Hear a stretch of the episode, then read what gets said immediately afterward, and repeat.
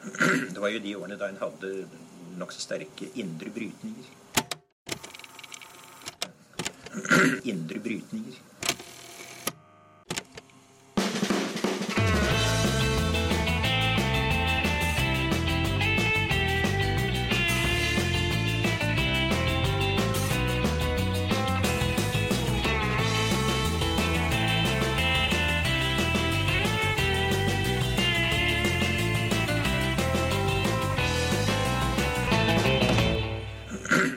Velkommen til Noen har snakket sammen. Mitt navn er Tiril Rustad Halvorsen. Og jeg heter Aksel Fjellavli. Vi har en eh, bra gjeng i studio i dag, eh, Aksel. Eh, en som det ikke er så veldig lenge siden vi har hørt fra. Tor Steinovden, som da kommer med boka si denne uken. Hallo. Hallo, hallo. Gratulerer. Tusen hjertelig takk. Jeg gleder meg til å snakke om den. Ja, vi skal snakke mye mer om den og USA etterpå, men den andre personen vi har i studio, eh, er det litt lenger siden vi har hørt fra. Halvor. Ja, hei. Hei, velkommen tilbake til Norge og til eh, studio.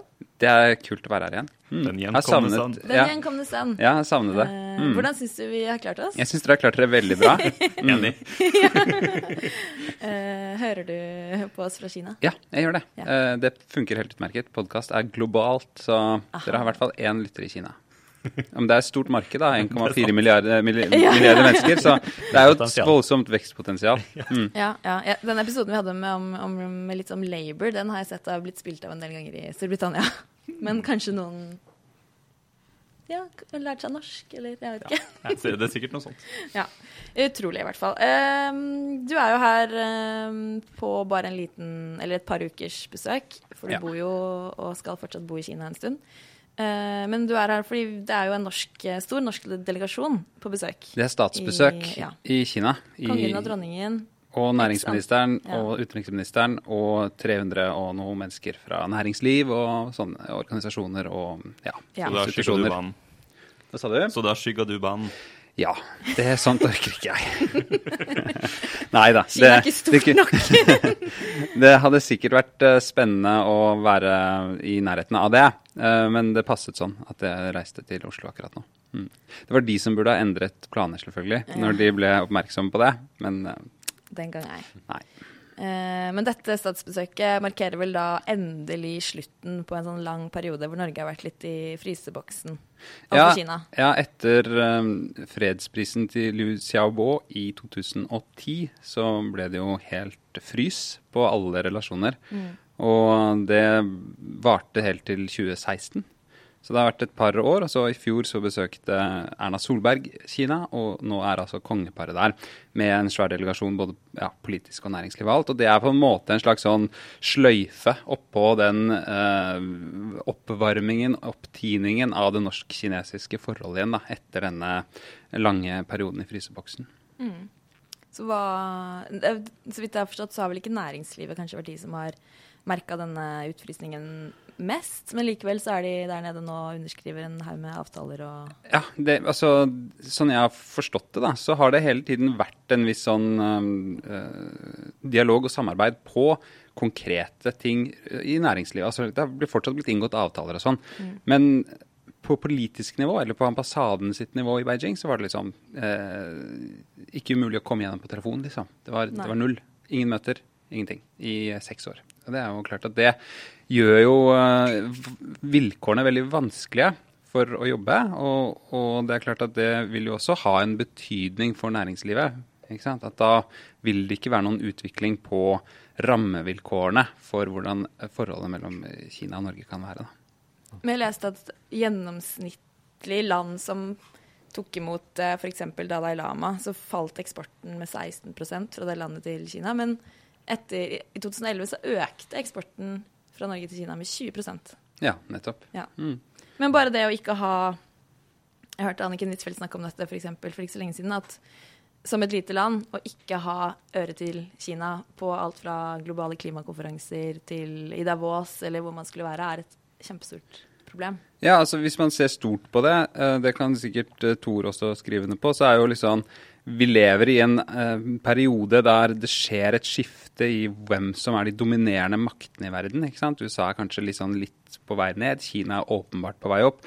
Og det å ikke ha et eller annet forhold til det som skjer i Kina, er veldig vanskelig for ethvert land, men ja, også for et lite land som Norge. Da.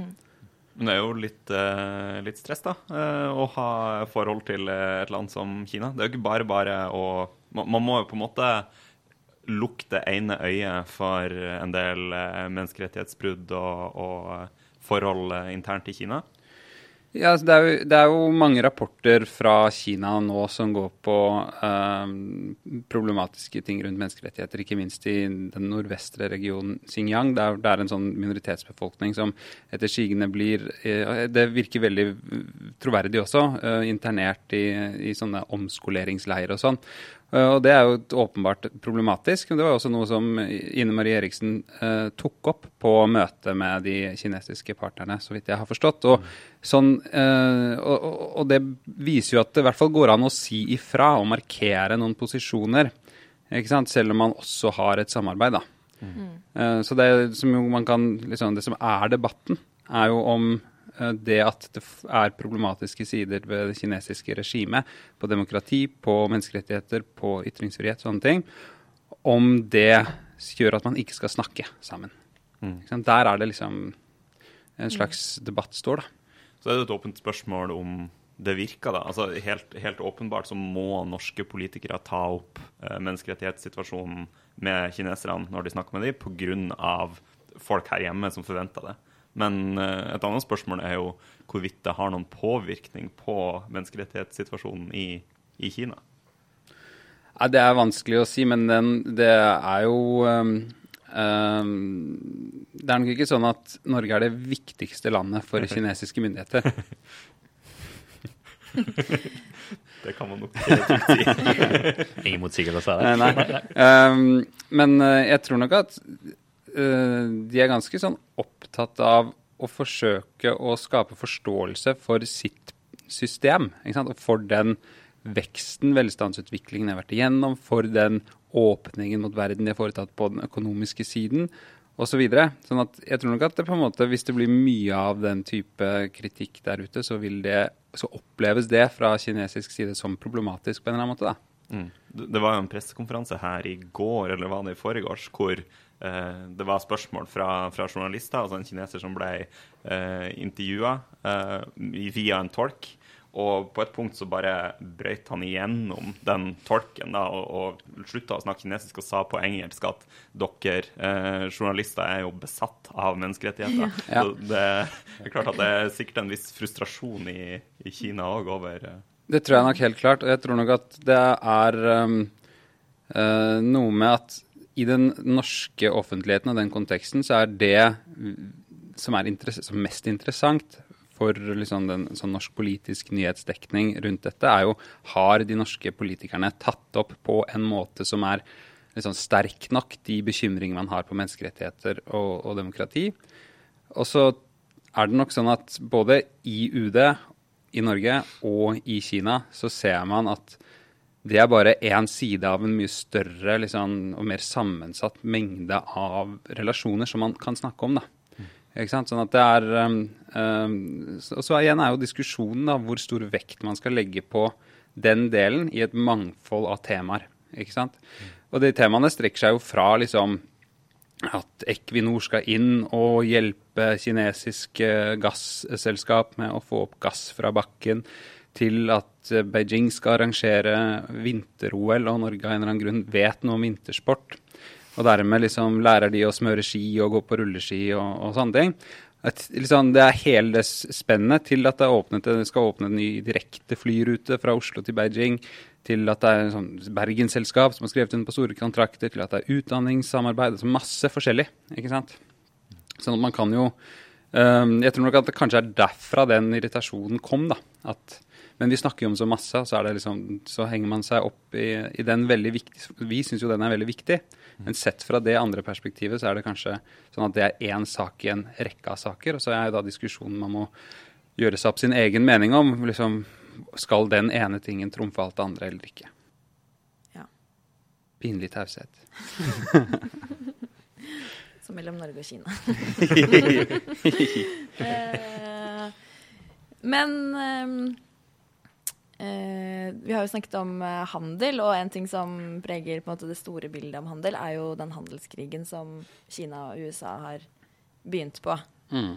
Eh, og det er jo, hvis vi skal gå litt over til USA da, Tor, eh, merkelig sett fra at en republikansk president i USA eh, og Trump som går på, på tvers av alle sine rådgivere og eget parti og innfører masse tollbarrierer og Ja, Donald Trump har jo eh, hatt et sånn hatforhold til handelsunderskudd siden minst 1980-tallet. Eh, I eh, den kommende boka 'Det amerikanske marerittet' så skriver jeg litt om måte hans bakgrunn før han eh, stilte som presidentkandidat. Og på, på 80-tallet tok han ut en helsides annonse i eh, jeg tror det var New York Times eller noe sånt, betalte en bråte med penger for det. Eh, Der han, eh, der han gikk gjennom akkurat det her med at vi må slutte å betale for alle andre sin økonomi. Eh, Og det var vel Japan som var den store fienden for, hans da, for han da. Så det her er noe han har tenkt på veldig lenge. Ja, det er da at eh, amerikanere kjøper flere varer fra Kina enn de selger til Kina, og derfor så ser det ut som at man skylder Kina masse penger.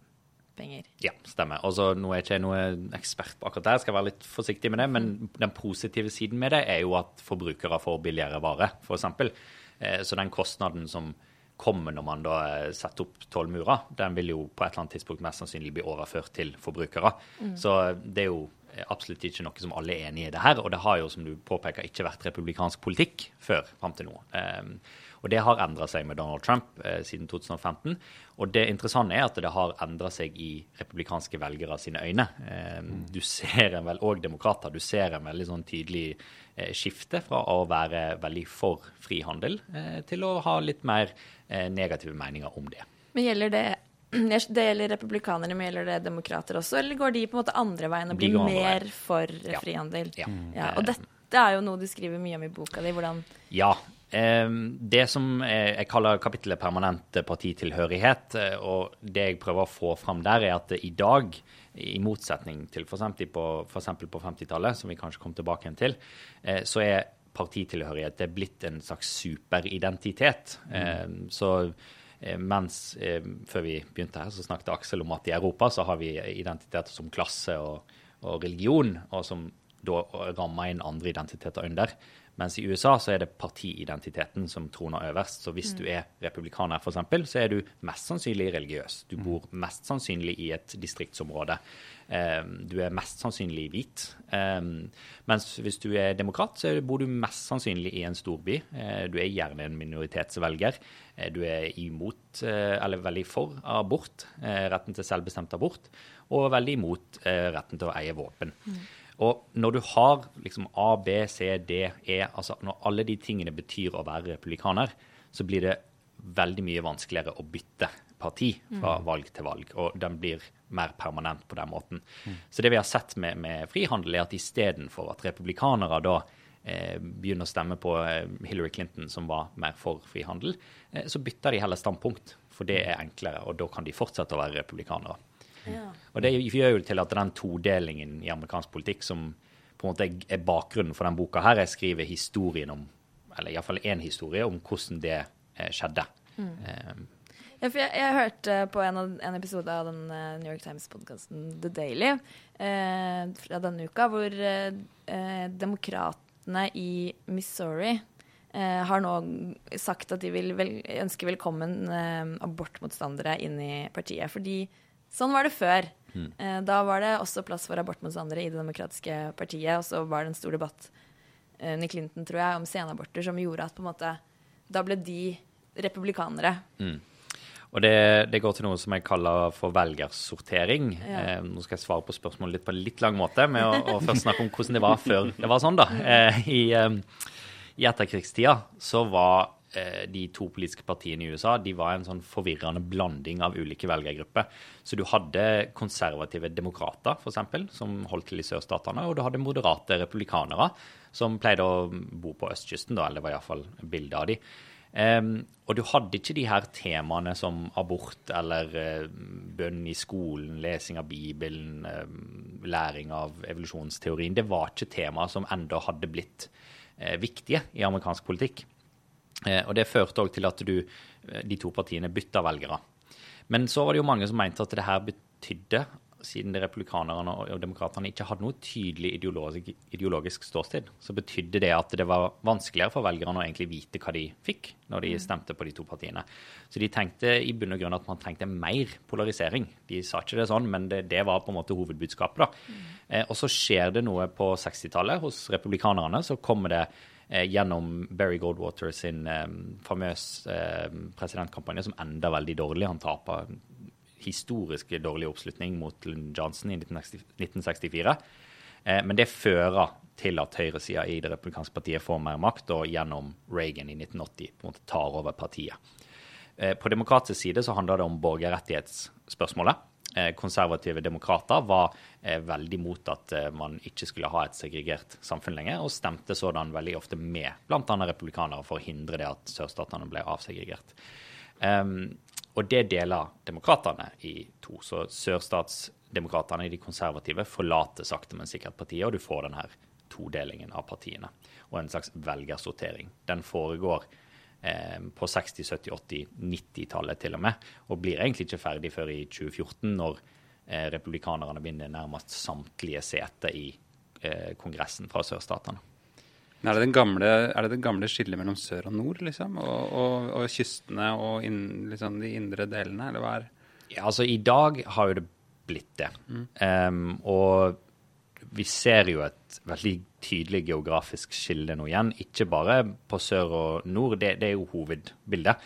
Men f.eks. Eh, i presidentvalget, forrige presidentvalg så vant Donald Trump alle, nærmest alle sørstatene. Men når du zoomer inn på det eh, bildet, så ser du at Hillary Clinton vant nærmest alle storbyene i sørstatene. Så det er et veldig tydelig sånn urbant eh, distriktsskille. Mm. Jeg, jeg syns det er veldig interessant, altså fra et statsvitenskapelig perspektiv, veldig interessant den fortellinga om velgersortering som, som du eh, forteller, fordi den står litt i, i, motstrid til det vi ser i eh, f.eks. I, i Norge nå, hvor det er en kamp om sentrum i Eh, i politikken. Da. Uh, og jeg, bare lurer på, i den fortellinga fra, fra, fra etterkrigstida og fram til i dag, hvordan passer liksom Bill Clinton inn i det bildet? Fordi altså, uh, Bill Clinton sammen med Tony Blair sto jo for en sånn third way, der det var liksom en kar karismatisk leder som skulle trekke et bredt velgergrunnlag. Er han liksom et unntak, eller hva, hvordan skal man forstå Clinton? Bill Clinton var et forsøk på å redde det gamle demokratiske partiet. Um, han Innen hans valgkamp så hadde man begynt å se det her skillet veldig tydelig. Republikanerne var virkelig i ferd med å begynne å dominere sørstatene. Ikke i Kongressen nødvendigvis, men i presidentvalgene. Mm. Etter eh, Jimmy Carter, som var en demokrat som stilte i 1976, og som vant, var den siste demokraten som vant mange sørstater, så tok republikanerne over sørstatene. Eh, da var det en debatt internt i Det demokratiske partiet, som man ser også i dag, som man egentlig alltid har sett, om hvor langt til venstre skal man gå. Og da var det én tanke som Bill Clinton Eh, en tankerekke som Bill Clinton representerte, var at jo, hvis man prøver seg med en sørstatsguvernør som har, har, klart å finne en sånn middelvei da, der man fortsatt kan appellere til de her konservative velgerne, samtidig som man tilfredsstiller eh, den mer liberale eller venstreorienterte delen av partiet, eh, så, så, kan man gjenreise det her flertallet da, som man baserte seg på i sørstatene. Mm. Men parallelt med Clinton, og det skriver du om i boka også i Agenda Magasin den uka her, om Newt Gingrich, som representerte liksom et massivt steg i motsatt retning da, i, i det republikanske partiet? Ja, altså For meg så er Donald Trump er en, en, skurk i amerikansk politikk, men den store skurken, den glemte skurken, for meg er Newt Gingrich. og jeg begynner kapittelet med å skrive at han, han, han ser litt sånn pussig ut. Han blir ofte framstilt som en sånn tegneseriefigur. og Hvis du går inn på Instagram-kontoen hans, så har han bare fullt av dyrebilder. for han er så dyr, han Virker veldig uskyldig, men for meg er det han som er den store skurken. Fordi når han blir valgt inn eh, i Kongressen, i Representantenes hus, i 1978 eh, så kommer han til en kongress der demokratene har veldig mye makt. De har klart å beholde flertallet i Representantenes hus nesten uavbrutt siden andre verdenskrig. Eh, det republikanske partiet har, har resignert seg selv til å bare tenke at vi er i minoriteten. Eh, de ligger sånn 100 seter bak eh, demokratene. Men Newt Gingrich han, han, kom inn i Kongressen med den filosofien om at det her må ikke være sånn. Vi har blitt vant til den underdanige realiteten, men det må ikke være sånn. Og vi skal gå til angrep på demokratene der vi kan, med nye metoder for å endre på den situasjonen her. Eh, så jeg beskriver én spesifikk ting i Agenda Magasin som jeg tror kommer torsdag, eh, en artikkel om det.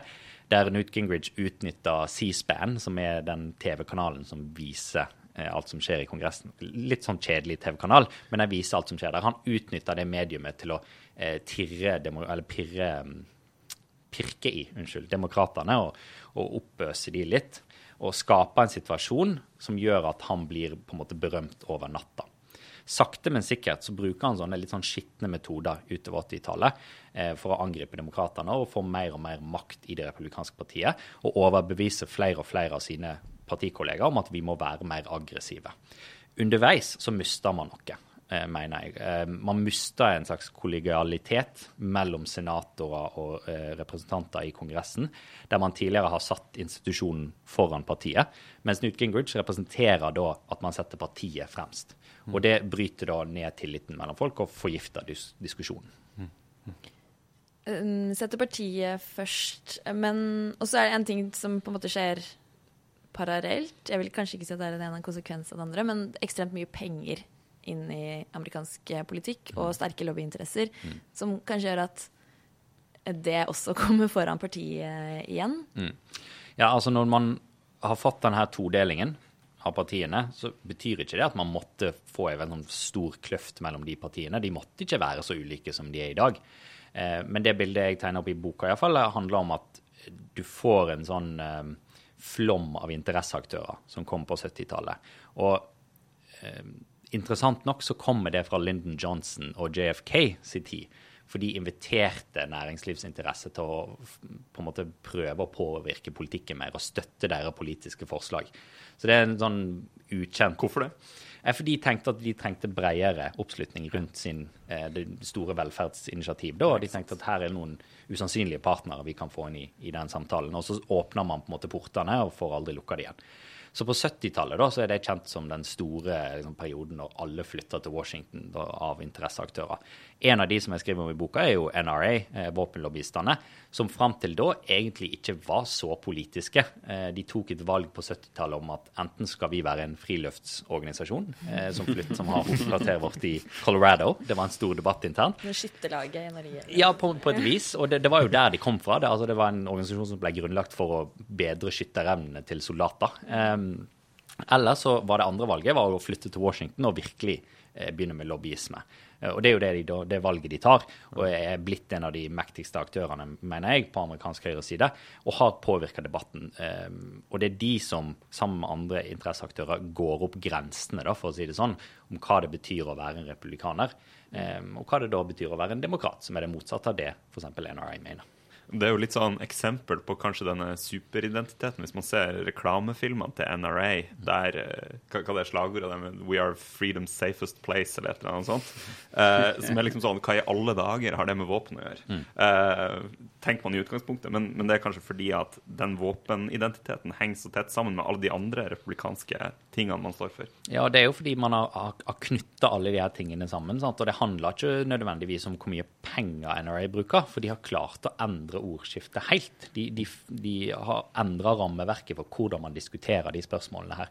Og da knytter de det opp som, som, til ting som freedom og liberty og alt det der, og mm. beskytte seg mot inn, altså folk som bryter seg inn i hjemmet sitt.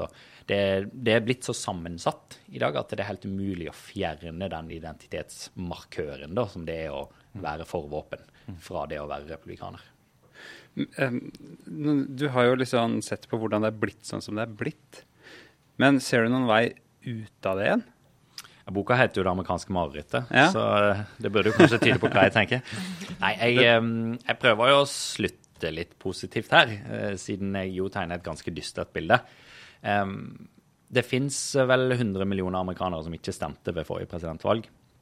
Og det kan jo tenkes at folk, også amerikanere, er lei av den polariseringen her og den splittende retorikken. At grunnen til at mange ikke stemmer, er nettopp pga. det. Eh, så det kan jo tenkes at en kandidat som snakker om nettopp det å finne kompromiss i midten, kan gjøre suksess. Som at du nevnte i Missouri, så har man begynt å snakke om at folk som er mot abort, også bør ha en plass i Det demokratiske partiet. Ny Southern Democrat, da. Altså, Ja, altså kanskje. Ny Clinton, liksom. Eller en, eh, ja. jeg bare, Da tenker jeg alltid på den eh, han eh, republikanske presidentkandidaten i den siste sesongen av West Wing. Han som har sånn 50 State eh, campaign. Tenk om eh, John McCain, politikk, eller eh, som han sånn. var liksom basert på. Ja, ikke sant? Eh, som er den andre muligheten, da. Eh, akkurat nå syns jeg det virker mest sannsynlig, hvis det skal si i 2020, at det er noen som kommer fra næringslivet. Eh, som kan på en måte utfordre Trump på den måten, da. Men som da Ikke Kanye West. Ikke Kanye West. Please God, no. Kanskje et uh, alternativt univers der han lever. Eh, men for å gjøre det litt negativt igjen, da, så um, du har 100 millioner amerikanere, men det kan òg være at mange av de er demokrater og republikanere i fåreklær som bare ikke gadd å stemme. Så hvis de blir aktive i politikken, så kan de jo bli dratt inn i de samme tingene som påvirker de som stemmer. da. Mm, Demokratene driver jo og fester sin lit til at over tid så vil den demografiske utviklingen i USA føre til at uh, det skifter. da. Altså Det er sånn tydelig endring demografisk mellom den uh, som har vært majoritetsbefolkningen og, og flere hispanics, f.eks. Mm. Og etter 2012-valget så satte republikanerne ned en sånn granskningskommisjon der de bestemte seg for at, eller kom med anbefalinger om at det her partiet eh, virka out of touch, var vel ordet de brukte, for mange i vårt land. Vi må endre retningen. Og det var mange sentrale politikere i eh, partiet som tok til orde for det, deriblant f.eks. Marco Rubio, som var presidentkandidat og var sett på som det lysende håpet ved forrige valg. Men så var det så mange av de republikanske velgerne som var helt uenig i det. Og Det er jo der Donald Trump bygger sin base på osv. Eh, men på sikt så kommer jo de her endringene. Um, så det republikanske partiet kan kanskje gjøre suksess i de neste ti åra med den filosofien her, men på et eller annet tidspunkt da, så vil demokratene få så mange minoritetsvelgere, og på et eller annet tidspunkt vil de nok klare å aktivere de velgerne bedre enn de gjør i dag. For det er jo minoritetsvelgere som er, har mye mindre sannsynlighet for å stemme og sånt ved valget. Mm. men det er jo en eh, Man sitter på Titanic og ser isfjellet der framme. Så på et eller annet tidspunkt må de endre. Du, du skriver ve veldig interessant om hispanics kon konkret. at liksom, Hvis man ser på hvilke verdier de har, og hva de mener, så er de ganske republikanske i, i verdiorienteringa. Det, det er liksom en ganske tydelig parallell til eh, en del europeiske land med innvandrervelgere som eh, er veldig konserva konservativt verdiorientert, men fordi at partiene på spesielt ytre høyre eh, trekker med seg moderate høyre i en sånn anti-innvandringsidentitet, så eh, skyver de fra seg innvandrervelgerne. Og litt på samme måte i USA da, så blir det et problem for det republikanske partiet på sikt hvis det kommer masse nye hispanics til landet som man ikke klarer å få med på et sånn verdikonservativt prosjekt. Da. Ja, og Det lå jo litt i konklusjonen i den 2012-rapporten, at her, her er mye potensial. Vi må bare slutte å snakke om å bygge mur eh, mellom Mexico sant? og USA. Og det ser jo ikke ut som de kommer til å slutte med med det første. Nei. Eh, Men så kom jo det et valg i 2020, og nå ser jo Donald Trump egentlig ganske komfortabel ut eh, i sitt eget parti. Eh, Og han har ikke så mange mulige utfordrere, iallfall ennå. Men skulle når det viser seg at det går veldig dårlig i mellomvalget for republikanerne, han mister flertallet sitt, han får ikke gjort så mye mer, så kan det skje veldig mye på, på to år med den Twitter-kontoen, tror jeg. Men for å ta litt, eh, litt om mellomvalget, da, som tross alt kommer eh, allerede om en måned. Under en måned. Eh, hvordan, hvordan ser det ut eh, der? Vil demokratene ha noen sjanse til å ta tilbake Kongressen? Mm. Ja, det kom jo 6. november, eh, så det er ganske kort tid til. Det så veldig lenge veldig bra ut for demokratene. Eh, nå er det jo sånn at i et mellomvalg kan ta det kort, så, så er det eh, det valget som kommer mellom presidentvalgene. Så hvert fjerde år, da er det en tredjedel av senatet som skal velges. Eh, og eh, hele Representantenes hus, pluss en del sånn guvernørstillinger rundt om i landet og delstatskongresser. Så det er veldig mange valg. Eh, kan ta det veldig kort. På delstatsnivå så er det viktige valg, egentlig, fordi det er eh, kongressene i de ulike delstatene som tegner opp valgkartene for de nasjonale valgene. Og i 2020 så er det tid for å tegne de valgkretsene igjen. Ved forrige på en måte, korsvei i 2010 så tegna republikanerne i etterkant av det valget veldig gode valgkretser for seg sjøl. Og det har ført til at demokratene nå må vinne 8 prosentpoeng eh, mer støtt, få mer støtte enn eh, republikanerne for i hele tatt få flertall. Så akkurat nå er republikanerne i en gunstig posisjon. Men for å gå tilbake til, eh, til mellomvalget, så så det veldig bra ut for demokratene i Representantenes hus.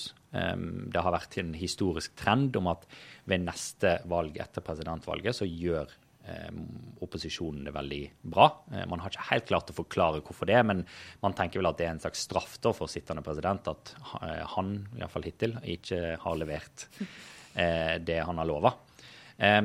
Så det, er mye som taler for at demokratene skal gjøre det bra i det valget. Men så kommer jo Kevin og kontroversen. Mm. Og er det noe som virkelig oppildner republikanske velgere, så er det eh, høyesterettsnominasjoner. Mm. Eh, så når man på ulike meningsmålinger så ser det noe litt bedre ut for republikanerne enn de gjorde før. Eh, I Senatet så kommer de mest sannsynlig til å beholde flertallet. Det har med at den en tredjedelen av Senatet som er opp til valg, det er konservative delstater, stort sett. Og det er veldig mange demokrater som står på gjenvalg der, i motsetning til republikanere. Det er veldig få av de som må ta gjenvalg i den syklusen her. Um, så akkurat nå, noen uker før, så syns jeg det ser litt mer positivt ut for republikanerne. Mest sannsynlig kan vi vel ende opp med et svakt demokratisk flertall i Representantenes hus og et svakt republikansk flertall i Senatet.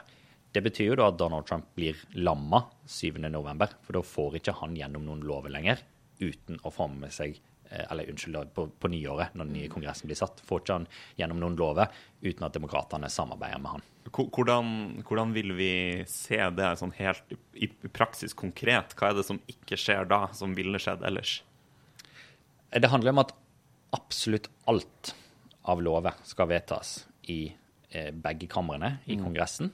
Eh, med over 50% av stemmene. Og så mm. skal de signeres av Det hvite hus. Mm. Så det man kan få hendelser, eller hendelser som kan oppstå, er at man lager en lov i Kongressen som egentlig ingen er fornøyde med. Så kommer de til presidenten sin desk, og så nekter han sin, sin pult, og så nekter han å signere det, og så sender han tilbake igjen. Så man får mye mer sånn eh, konflikter mellom Kongressen og presidenten. Um, mm. Nå har man jo allerede hatt det, selv om republikanerne har flertall i Kongressen. Så når du òg i tillegg får et demokratisk flertall og en ytre høyrefløy i Representantenes hus hos republikanerne som egentlig nekter å skrive på noen lover som bruker penger, eh, så kan det egentlig bare bli en litt mer uoversiktlig situasjon der eh, Trump får gjort enda mindre enn han har fått gjort i dag. Og mer meltdown på Twitter, da? Ikke minst. ja. Altså, og det, jeg tipper at Donald Trump ønsker den situasjonen velkommen jeg, eh, to år før sitt neste valg. Han eh, trives best, virker det som, i, når han har opposisjon, eh, og spesielt demokrater. Og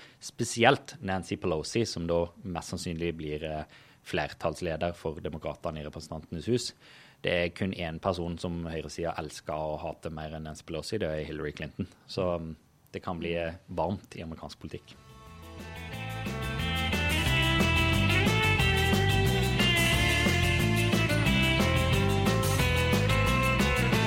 Ja, da har vi fått et ganske godt innblikk i amerikansk politikk og i boka 'Det amerikanske marerittet'. Um, vi tenkte at alle som er her, skulle få lov til å anbefale noe før vi avslutter. Tor, vil du begynne? ja, sant. Lurer på hva jeg skal anbefale denne uka. Eh, nei, altså siden når jeg først er her, og den podkasten her kom ut den dagen jeg skal lansere boka, eh, som er på torsdag på Kulturhuset klokka 17.30, eh, så vil jeg jo anbefale folk å ta turen dit. Men òg kanskje opplukke opp boka i bokhandelen. fordi eh, nå har vi jo snakka litt om boka, men det, det, er mye mer her. Mye, mye mer. Mye, mye mer. Og Eh, jeg tenker at det er en bok som passer både for de som er veldig interessert i amerikansk, amerikansk politikk, men også de som kanskje eh, følger litt med på det og tenker hva, hva, er det som egentlig skjer? For det er jo det jeg prøver å gi et rammeverk for å forstå. da. Så mm. eh, ja, i kjente Donald Trump-stil så anbefaler jeg meg sjøl det amerikanske marerittet. Uh, Halvor? Ja, jeg må bare fortelle en bitte liten anekdote først. Okay. En liten ting først. Fordi det er jo sånn at uh, kinesiske langrennsutøvere trener i Norge. Mm. Så leste jeg i morges da, som et resultat av det besøket som det er nå, at uh, norske pingpongspillere trener i Kina. Ja. De får langrenn, og ja, vi får pingpong. Ja. Det høres jo litt rart ut, men pingpong er vel en mye, mye, mye større idrett. I Kina i hvert fall. Ja, og derfor på verdensbasis. um, jeg tenkte jeg skulle anbefale en podkast som um, heter Sinica, S-I-N-I-C-A, som er sånn eh, for Kina-interesserte veldig, veldig bra. Uh, og den på en måte er um, hva, skal man, hva, skal man, si? Den er ikke preget av det kinesiske perspektivet, men heller ikke uten at den forstår det kinesiske perspektivet. Så den liksom gir et innblikk da, både i hva som skjer i Kina og i kinesisk politikk, og i Kines, Kinas forhold til omverdenen. Eh, Det er liksom en, episode, en hel episode nå om uh, uigurene der, som, og hva som skjer med de, men det har også vært da, en sånn lang spesialserie med en eh, amerikansk veterandiplomat som har vært eh, i gamet siden 70-tallet og liksom husker alle de eh, artige tingene. Eh, og sånn dypdykk i Xi Jinpings, eh, Jinpings liksom, stat, eh, posisjon akkurat nå og sånn. Så den kan man lytte til da, hvis man vil lære mer om Kina. Det skal vi gjøre. Aksel? Ja, and now for something completely different. si. jeg, eh, jeg satt på Twitter i går, som jeg jo stadig vekk eh, gjør. Så kom jeg over kontoen til den tidligere iranske presidenten Mahmoud, Mahmoud Ahmadinejad. Uh, at Ahmadinejad 1956. Åh, Og, det her er og dette Jeg har jo tenkt at han er jo en, en uh, diktator og en kjip fyr, men han er litt sånn Kanye West-aktig på Kan hende jeg overselger det nå, men eh, jeg kan i hvert fall lese opp en tweet han har her. Freedom has no limits. Ideas and thoughts should never ever be limited. Ideas and thoughts should only be answered by the more superior logic. Any type of re- restrictions on ideas and beliefs, especially on hashtag social media, will lead to chaos and dictatorship. Hashtag freedom of speech. Jøss. Noen har sett lyset på en eller annen måte? Ja, et eller annet har skjedd, eller et eller annet jeg ikke forstår om iransk politikk. Men, eh, og, og han tweeta om, eh, om tennis og amerikansk fotball. Og eh, ja, det er mye diverse drops. Ja. Ja, mm. ja. Så jeg vet ikke om han prøver å hvitvaske seg sjøl på et eller annet vis, eller uh, hva som skjer. Men uh, det kan man jo sjekke ut hvis man er interessert i uh, pussige sosiale medier-profiler. Det er Sterk anbefaling, altså. Eh, ja, jeg tenkte jeg bare skulle anbefale to episoder fra den The Daily. Da. Den ene som jeg allerede har nevnt, som heter The Battle for Missouri. Det er faktisk i to deler. Eh, og så er det en som tar for seg alle kandidatene som er på valg, som heter The State of the Midterms and the Country. Hvis man vil gå ned i detaljene om hvem og hvor. Og ja, Veldig interessant. Lærte masse. Men siden jeg har anbefalt meg sjøl, kan jeg få anbefale noen andre òg? Ok. Jeg får gjøre litt uh... Det regner anbefalinger her. Ja, sant. Men siden du nevnte podkast, så er jeg en sånn superfan av uh, Slate sin, um, sin Slow Burn-podkast, som har to sesonger. En som handler om eh, Watergate, og en som handler om Lewinsky-skandalen, som jeg tror nettopp er ferdig. Eh, ti episoder forklarer liksom alt som skjedde, og setter deg virkelig inn i, i den tidsperioden. Så jeg anbefaler altså på det sterkeste. Kan jeg også Nei, det er bare Nå Nå får du høre nok. Uh, ja, men Veldig veldig hyggelig at uh, dere kom. Lykke til med lanseringen, Tor. Takk. Uh, og Halvor, det blir noen uker til i Oslo, så kanskje vi hører mer fra deg. Det kan være. Ja. Mm. Ja. Men eh, før, før vi avslutter helt, så må vi jo minne folk om å eh, både vurdere og anmelde og abonnere alle steder der de, der de gjør sånt. Eh, og send oss eh, gjerne en tilbakemelding på, på Facebook eller i iTunes eller hvor man gjør eh, sånne ting. Eh, vi har allerede fått noen, eh, blant annet en liten korreksjon. Vi kom til skade for å, å, til å si at eh, Kiruna lå i Norge. Det gjør det ikke. Det ligger i Det var meg. Det var ja, meg. vi, vi hadde håpa at ingen skulle legge merke til det, men det, Det det, det gjorde de da, altså. Ja. Eh, og så en annen ting om, om, eh, om bruk av eh, mikrofon. Eh, ekstern mikrofon. Eh, vi skal være litt flinkere og sørge for at det blir litt bedre lyd på de eksterne opptakene eh, heretter. Mm. Halvor har dessuten lovet oss eksterne klipp fra Kina, så vi gleder oss til det. Skal prøve på det. Ja. Nå er det sagt. Ja. OK. Da høres vi igjen neste uke.